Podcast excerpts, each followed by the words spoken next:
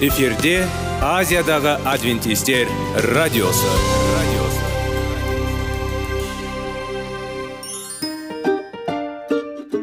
Сәлем достар. Денсаулық өмір бұлағы және біздің бірінші байлығымыз демекші денсаулық сағаты рубрикасына қош келдіңіздер. Біздің рубрикада біз әртүрлі факторларменен мәліметтерменен кеңестерменен бөлісіп шын жүректен сіздердің дендеріңіз сау болғанын қалаймыз. Сол үшін біздің рубрикаға қош келдіңіздер. Дайындалып тұрыңыздар. Өйткені келесі минуттарда қызықты фактілерге ие боласыздар. Енді достар ең бірінші байлығымызды қолымызға алып алға кеттік.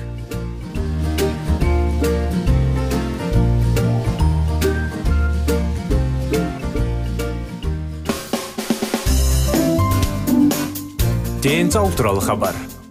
Денсаулықтың ашылуы күн сайын сөз үшін күшті кеңестер соңғы жаңалықтар қызықты факторлар. Біздің рубрикада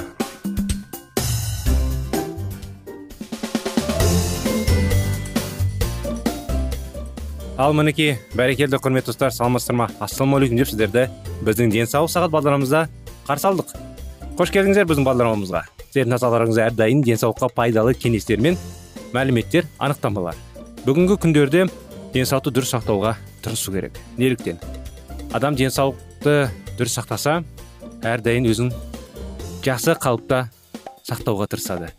Өзін керемет сезінеді. Таңертең тұрған кезде толық күшпен тұруға тырысады.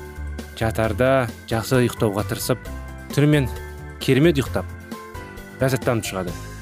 Енді дұрыс мағынада да бұл сөздің өзі. Неліктен адам мысалы контрастный душ сияқты дене шынықтыру заттарды қолданса әрден өзін керемет сезінуге тырысады. Бұл сияқты бағдарламаларды тақырыптарды біз біраз өттік сіздермен бірге. Жеміс жидектер жайлы дұрыс әдеттер жайлы соңғы сонымен бүгінгі тақырыптарымыз бүгінгі үшінші тақырып сізбен бірге жоқ кешіріңіз төртінші тақырып. Денсаулықты қалай сақтау керек тақырып. Қарай жалғастыра кетсек ауру жағдайының пайда болуы үшін қоздырғыш және ауруға сезімтал адам қажет. Бірақ ауру мүмкін емес деп санауға болмайды. Адам оған қарсы жеткілікті екен. Қалай болса да егер біз дұрыс өмір салтын жүргізсеміз онда ауру қаупі ағзаға қарсы тұрудың өсуіне қарай үнемі төмендейді. Бұл ретте барлық аурулардың абсолютті бостандықты да кепілдік беруге болмайды. Өйткені айтылғандай біз жетілмеген әлемде өмір сүреміз. Бай аурулар. Соғыс кезінде еуропада жүргізілген зерттеулер азық түлік карточкалар бойынша берілген кезде егер рацион шектеулі және ең қарапайым өнімдерден тұратын болса халық денсаулықтың жалпы жағдайы жақсартынын көрсетеді бүгінгі күні біз аурулардың маңызды себебі ретінде күйзеліс туралы көп естиміз. Ол соғыс кезінде адамдардың күнделікті күйзеліске ұшырауы кезінде денсаулығына айтарлықтай әсер еткен жоқ.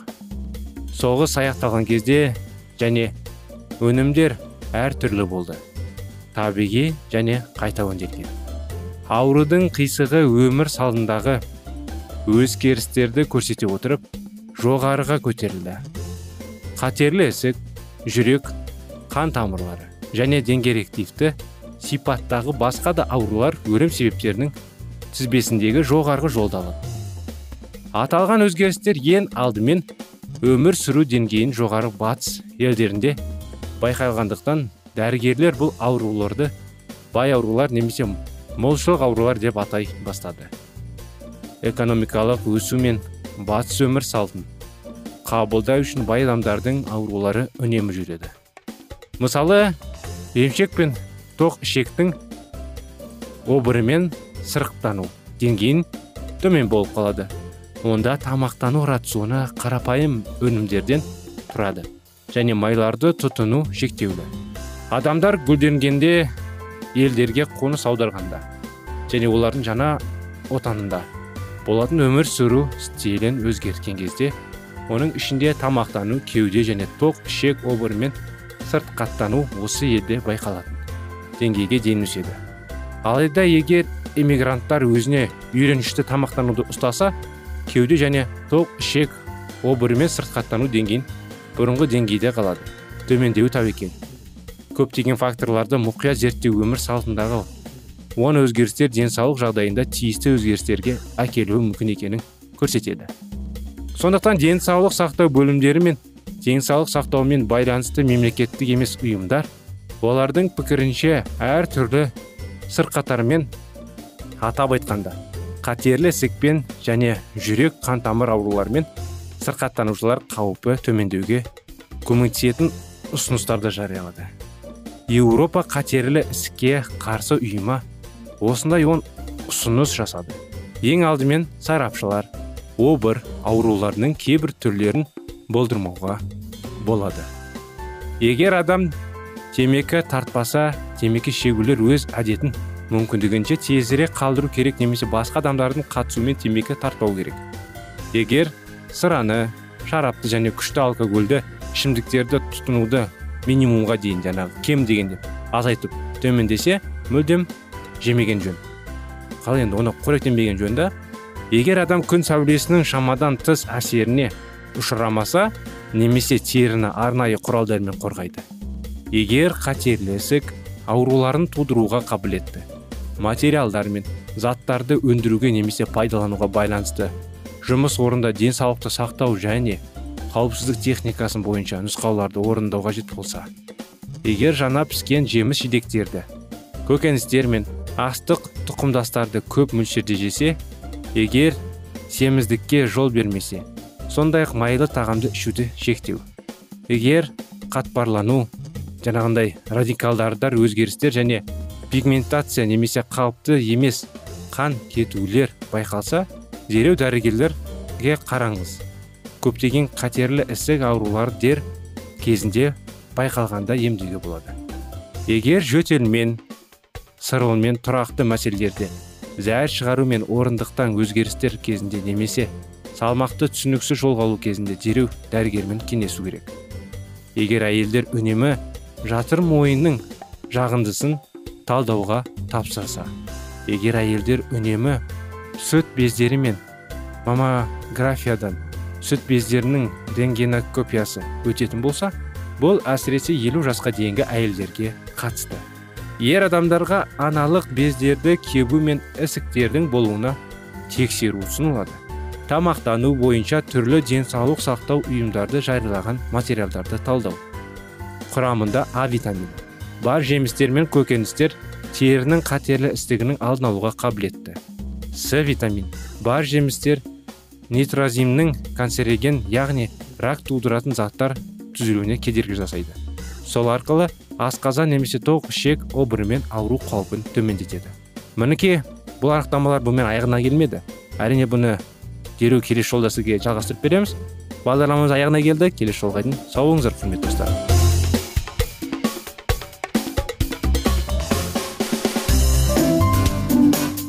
Денсаулық туралы хабар. Денсаулықтың ашылуы күн сайын сөз үшін күшті кеңестер соңғы жаңалықтар қызықты факторлар біздің рубрикада.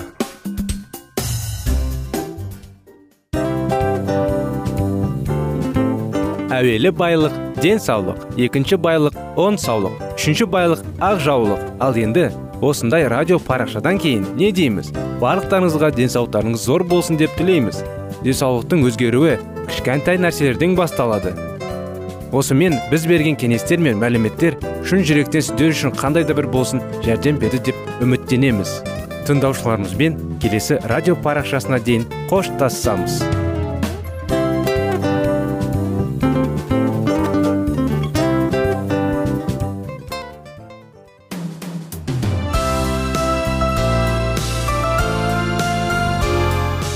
эфирде азиядағы адвентистер радиосы.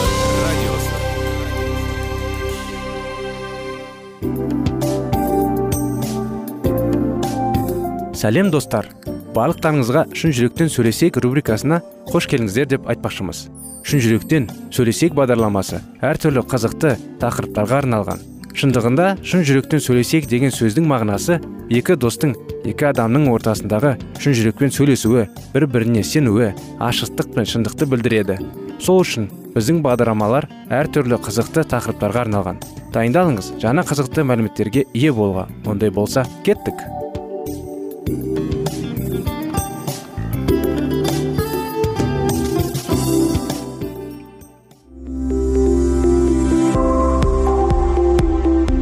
Алтын сөздер. Сырласу қарым қатынас жайлы кеңестер мен қызықты тақырыптар. Шын жүректен сөйлесейік рубрикасында.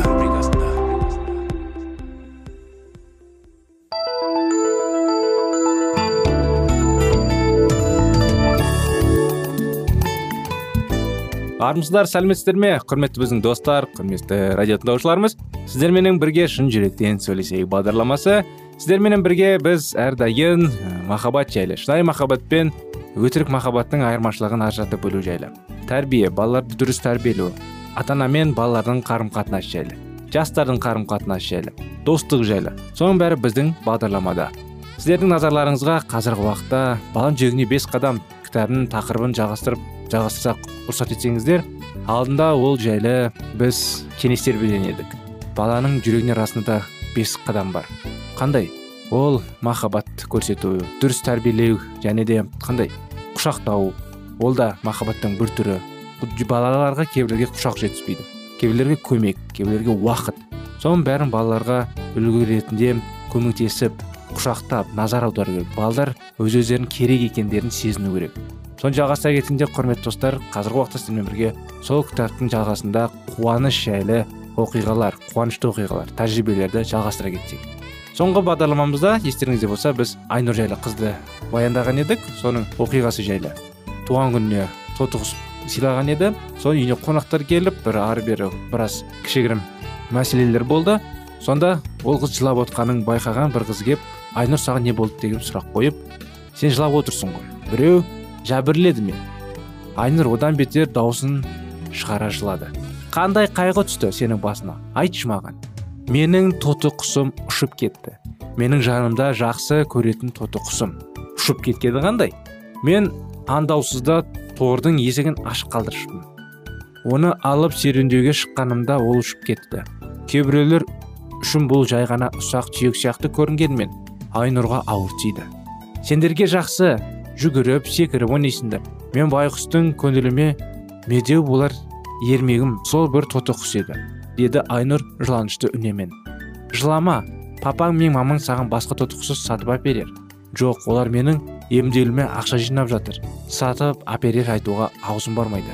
Түсінесің бе? Көңілі бұзылып жылап отырған мүгедек қызға басу айтып тыныштандырайтындай деп ұмтыла бергені сол ақ екен. Ту сыртынан бір әйелдің қатқал дауысы естілді. Айнұр сен қайдасың? Үйге қайтадан уақыт болды. Айнұр аяғын ақсандай басып подъезге қарай бет алды. Гүлжан орындықтың үстінде тағы да біраз отырды. Осы мүгедек қыздың өмірі қандай қиын екенін жан жүрегімен түсінді. Жаратқан ем мына қыздың тоты құсын қайтарып бере көр деп жалбарынып болды. Осыдан бастап айнұрдың қабағы қатыңқы өзі көңілсіз күйде селқос жүрді. Бұрынғыдай кітап оқыдан да қойды. Тек үйдің айналасына қумалай өскен ағаштарға қараған бойда ой үстінде отырды. Кім біледі?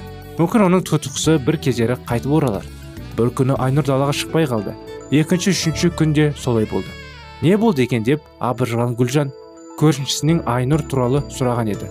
Оның қатты ауырып төсекте жатқандығын жақында оған өте күрделі операция жасалатынын айтты. Гүлжан айнұрды ойлап қатты толғанды. Үйге кіретін соң сарбаздың торлы үйшігінің жанында отырып ойған қалды. Гүлжан тордағы тоты құсын қолына ұстап далаға шығып кетті. Айнұрдың пәтерінің есігіндегі қоңырауды басқан еді ешкім есікті ашпа қойды. Біраздан соң айнұр ашты. Ол үстіне жұқа іш көйлек аяғына жеңіл шәрке киіп алыпты. Ұзын қара шашы иығына түсіп тұр. Мұнда көздерімен гүлжан таңдана қарап қалыпты. Гүлжан сенбісің сәлем. Сәлем айнұр мен саған келдім. Үйге кір. Менің мамам сенімен достасуға тыйым салғанды қазір ол үйде жоқ бірақ сен маған ұнайсың. Гүлжан жай күлімсіреді де үйге кірді. Айнұрдың аяғында қалың табанды бәтеңкісі жоқ болғандықтан қатты ақсап жүр екен. Үйге кір гүлжан отыр деді де өзі төсегіне жайғасты. Айнұр мен өзімнің сарбазымды саған тарту етуге шешім қабылдадым. Мә ұста бұл өте жақсы қыз сен оны жақсылап күт жарай ма? Гүлжан гүлдеп көңілдікке секкен қағып жүрген сарбазын торын үстелдің үстіне қойды. Ал мен жалғыз емеспін. Иса ием дос қыздарым інім бар. Сен болсаң жаппадан жалғызсың. Алшы өтінемін. Оған папаң мен мамаң не дейді? Олар мені түсінеді деп сенемін. Оның үстіне сарбазды да маған беру тарту етті ғой бөлмеде тыныштық орнады. Айнұр не істерін білмей дал болды. Үнсіздік шарқын бұзып сарбаз арсыр салып жүгіріп жүр. Гүлжан мәң жайды түсіндіріп үнсіз орнынан тұрды. Менің кететін уақытым болды. Сен жазылып кет. Көріскенше күн жақсы. Мен сенің операцияң сәтті өтуін тілеп синармын. Рахмет саған гүлжан. Сен дүние жүзіндегі ең жақсы қызсың. Мен сен сияқты қызды ешқашан да кездестірген емеспін деді айнұр көзінің жасын мөлтілдеп гүлжан үйге саруасыз оралды. Ол өзінің қанатты досын бауыр басып жанындай жақсы көріп кеткен еді. Сөйтсе де оны айнұрға бергеніне өкініп отырған жоқ. Қайта жаны жадырап көңілі орнына түсті. Бұл жайда естігенде шешесі біздің қызымыз есейіп қалған екен ғой деді қуаныштан көңілі тасып. Кешкісін гүлжанның үйіне айнұрдың мамасы келді. Ол жазықты кейіппен мымысына қымсына күлімсіреді. Кіріңіз жоғары шығыңыз деп жылы шарай танытты үйдегілер. Мен бір минутқа ғана гүлжанның кешірім сұрайын деген едім мен қателесіппін кешір мені гүлжан. Сен өте жақсы қызсың. Айнұр екеуінің достаушыларына қарсы емеспін. Істеген жақсылықтарың үшін көп рахмет. Гүлжан ол кісіден мұндай қылықты күтпеген еді. Сасқаннан бұйра басын шұлғи берді. Көп замай торлы үйшіктерге сарбаз гүлжанның өзіне қайтып оралды. Айнұрдың ата анасы оған жаңадан көгілдір түсті тоты құс сатып әперген еді. Қанатты досы баяғыдай ақ дөңгелегіне айналып өзінің айнадағы кескесімен гүлдей тілдесіп мәрі сәре болып жүрді екі дос қолдарына тоты құс бар туралы үйшіктерін ұстап ауладағы орындықта ұзақ отыратын болды олар өзара үйірішкелесіп уақыттарын көңілді өткізеді. Кейде оларға гүлжанның досы әлия да қосылады. Үшеуінің басы қосылғанда олар исаның өмірін тарихы атты кітапты және балаларға арналған әңгімелерді оқиды. Осы оқиғамен құрметті достар бүгінгі бағдарламамыз да аяғына келді. Келесі жолға сау болыңыздар.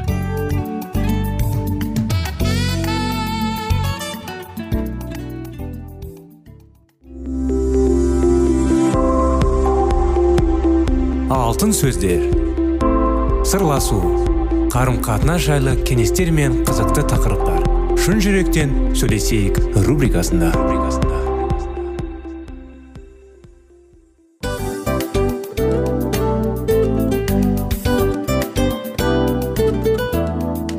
Құрметті достар барлық ең соңғы кеңестер аяқталған соң біздің программамыз соңына келіп қалды. Осы біздің мәліметтер осы рубрикада айтылған әрбір сөздер сіздерге өзінің қандай да бір пайдасын алып келді деп шын жүректен сенеміз. Және бұдан да көптеген рубрикаларымыз бар. Басқа рубрикаларымызда біздің зерттеулерімізде сіздер үшін тағы да қызықты мәліметтер дайын. Біздің шын жүректен сөйлесейік парақшамызда көптеген әдістер ең соңғы кеңестер адамның нравственность жақтан моральдық жақтан тазалап байыта тұрған соңғы кеңестердің барлығын жанарады. Сондықтан алдыңғы күндерде бізбен бірге болыңыздар.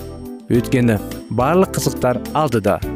Бізбенен бірге болғандарыңызға үлкен рахмет. Келесі кездескенімізше сау сәлемет болыңыздар.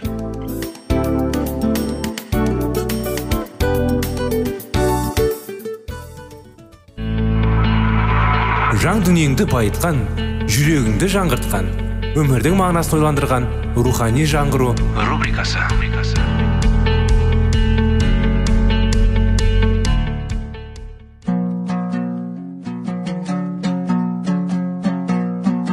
Ассалаумағалейкум біздің тыңдаушыларымыз.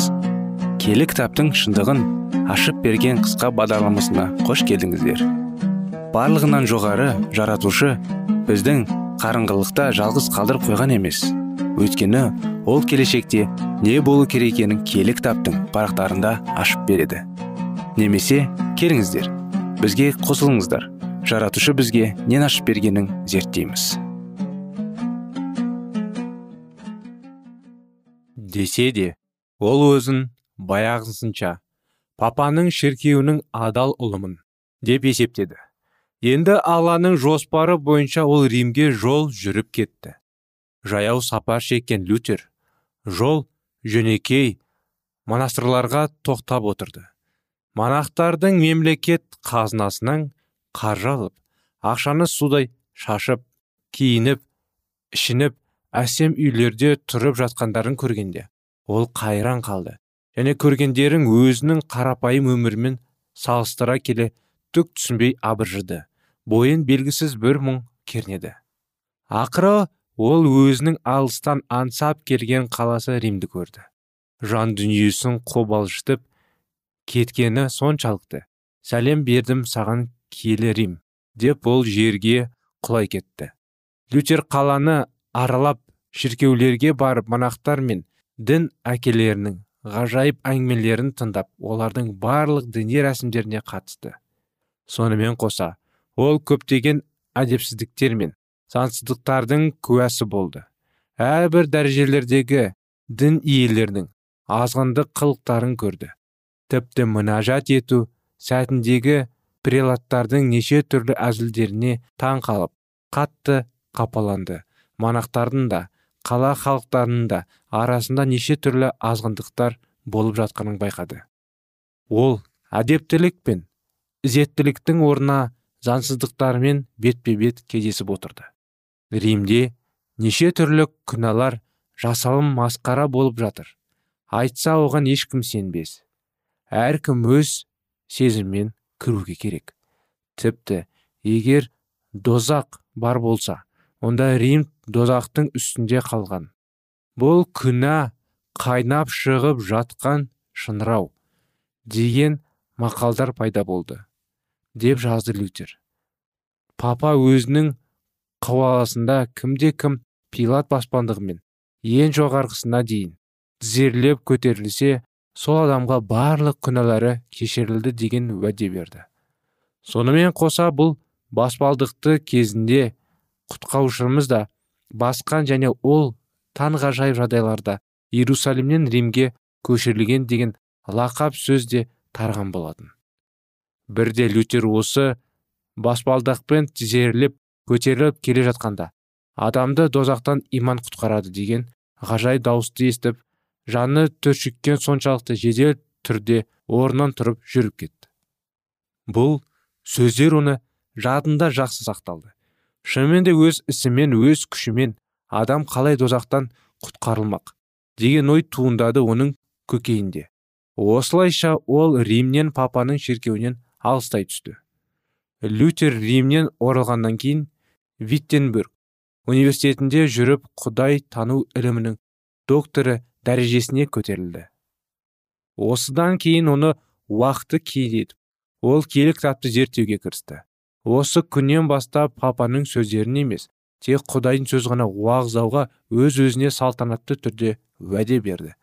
Енді ол қарапайым монах немесе профессор ғана емес ақиқатты бар ниетімен аңсаған адамдарға ізгі хабарды уағыздаушы беделді діни ұстазға айналды. Имандылардың ілімін түп тамыры киелі кітап болу керек деп есептеді ол. Реформацияның негізгі ұстанымда осы болатын. Лютердің бұл айтқан сөздері папаның билігінің негізіне ой сарата соққа тигізді. Адамның теориясының құдай сөзінің үстіне шығарылуы олардың өздері үшін қауіпті екенін лютер жақсы түсінді. Сондықтан да ол ұзақ уақыт бойы адамның анасын баурап алған философия мен балашағы жоқ жалған ілімді әшекерледі. Мұндай ілімнің пайдасының жоғына ғана емес сонымен қатар зиянды екенін айтты.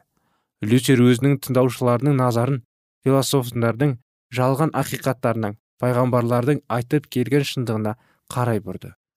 Мұндай сөздерді халық бұрын сонды естіп көрмеген болатын.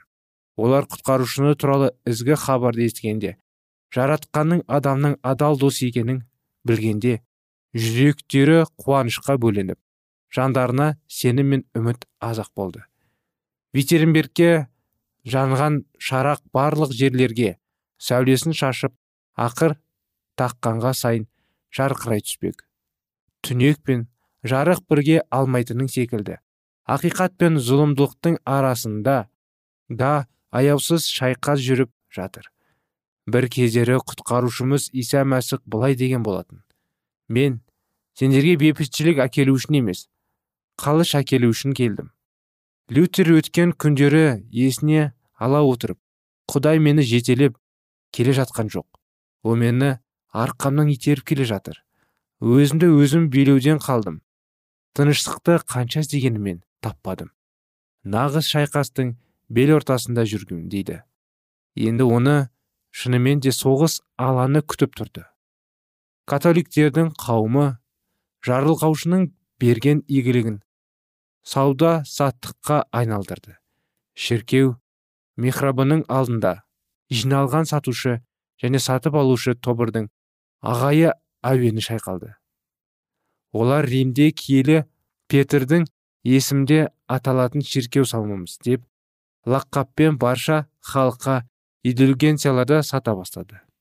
Католиктер қылмыстық құнымен шіркеу орнатып заңсыздықтың құнымен оның ірге тасын құлауға дайындықтар жасады.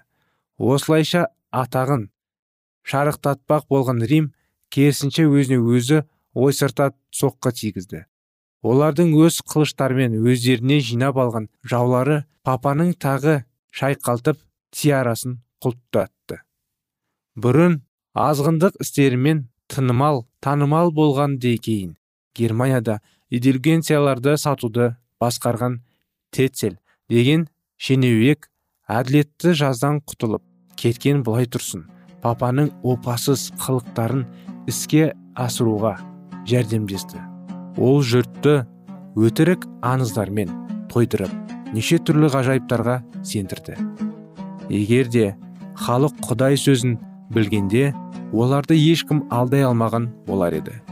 Бірақ рим халыққа киелі кітапты көрсетпей оларды діни сауатсыз қылып ұстап өздерінің меншіншіл көсемдерінің байлығы мен билігін асыра түсті.